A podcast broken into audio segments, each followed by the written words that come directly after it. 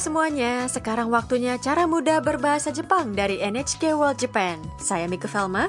Dan saya Sigit Purnomo. Hari ini dalam pelajaran 3, kita akan belajar mengucapkan daerah Anda berasal.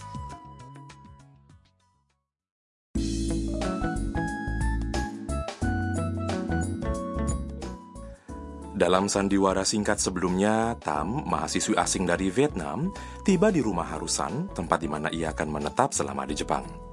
Ia bertemu dengan Harusan yang ternyata adalah robot. Hari ini ada pesta penyambutan Tam. Ada beragam makanan lezat yang disiapkan Kaito, penghuni lainnya. Kaito suka memasak. Mari kita dengarkan sandiwara singkat pelajaran 3.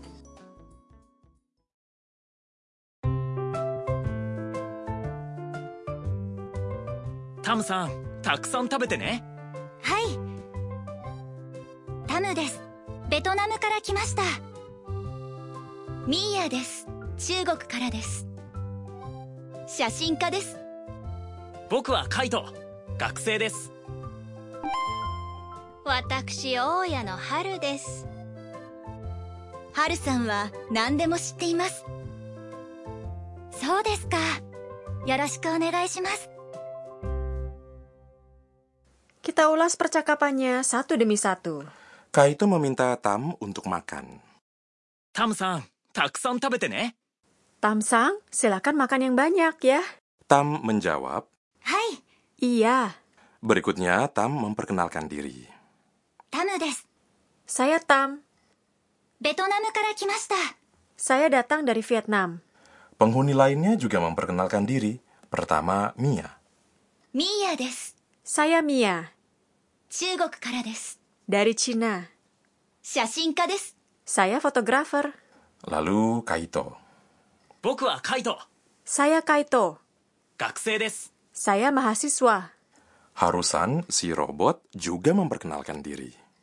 私大家の春です Saya pemilik rumah, Haru.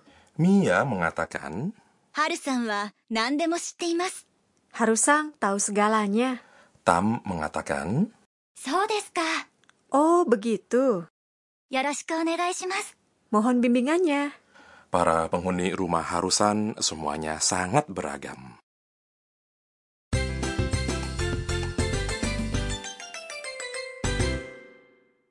Ungkapan kunci kali ini adalah saya datang dari Vietnam. ベトナムから来ました Jika Anda mempelajari pola ini, anda bisa memberitahu orang lain dari mana Anda berasal. Di Jepang, kemungkinan besar Anda akan sering ditanya dari negara mana Anda berasal.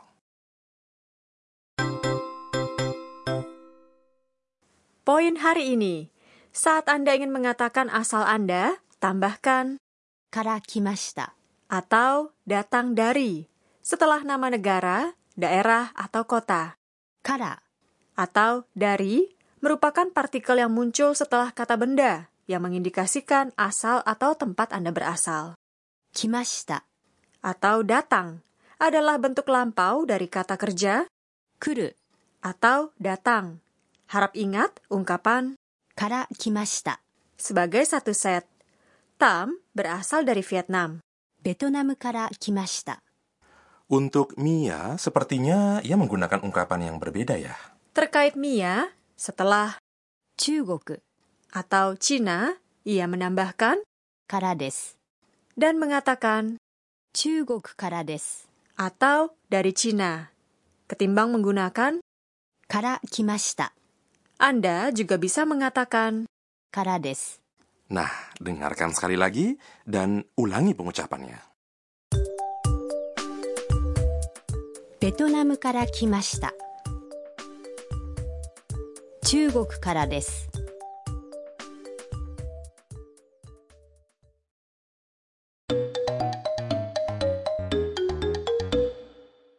Berikutnya, dengarkan pembicaraan tentang dari mana seseorang berasal. どちらからですかアメリカから来ました。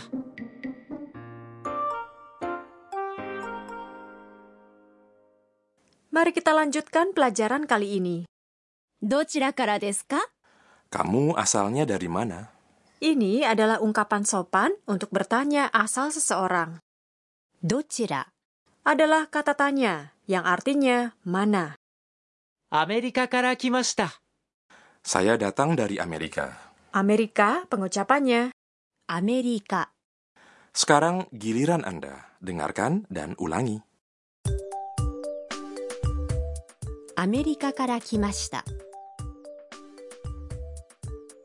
アメリカから来ました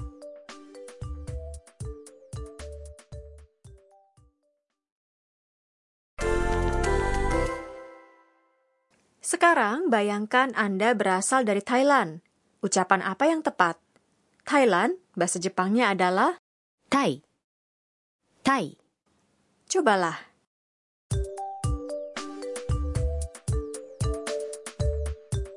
タ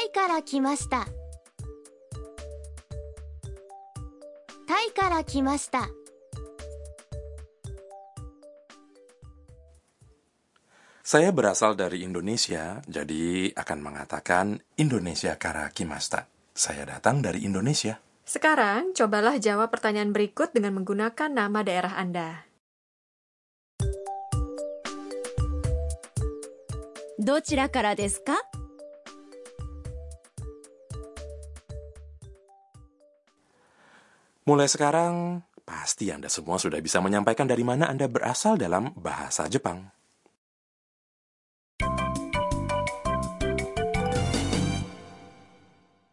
Bonus ungkapan hari ini berasal dari kata yang disampaikan Tam. Harap diingat. So desu. So desu. Adalah ungkapan untuk menyampaikan bahwa Anda memahami apa yang orang lain sampaikan. Artinya kurang lebih, oh begitu. Ungkapan ini sering digunakan saat seseorang menjelaskan sesuatu. Ada K di akhir kalimat. Tapi itu bukanlah pertanyaan. Jadi, pastikan intonasi Anda tidak naik di akhir kalimat. Sekarang giliran Anda. Dengarkan dan ulangi. そうですか Baiklah, kita dengarkan sandiwara singkatnya sekali lagi.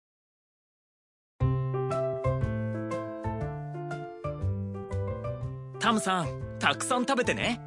はいタムですベトナムから来ましたミーヤです中国からです写真家です僕はカイト。学生です。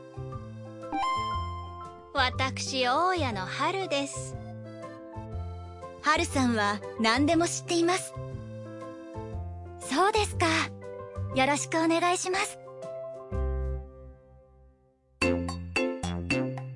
春さんの知恵袋 Waktunya untuk petuah harusan tentang tata kerama orang Jepang saat memperkenalkan diri.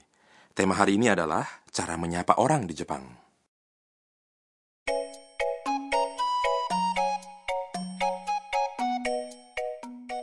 Membungkuk adalah tradisi di Jepang saat saling menyapa.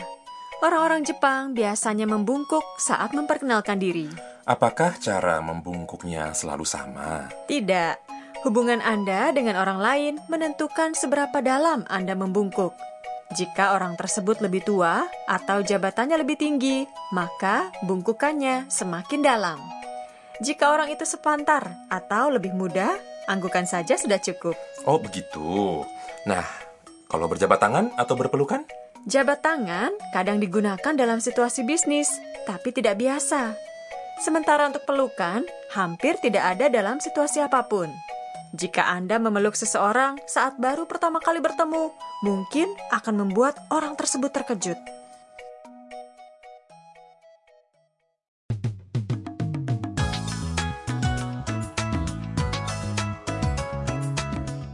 Bagaimana edisi cara mudah berbahasa Jepang hari ini? Sandiwara singkat pelajaran ini juga tersedia dalam animasi. Jadi, jangan sampai ketinggalan ya untuk mengikuti edisi berikutnya.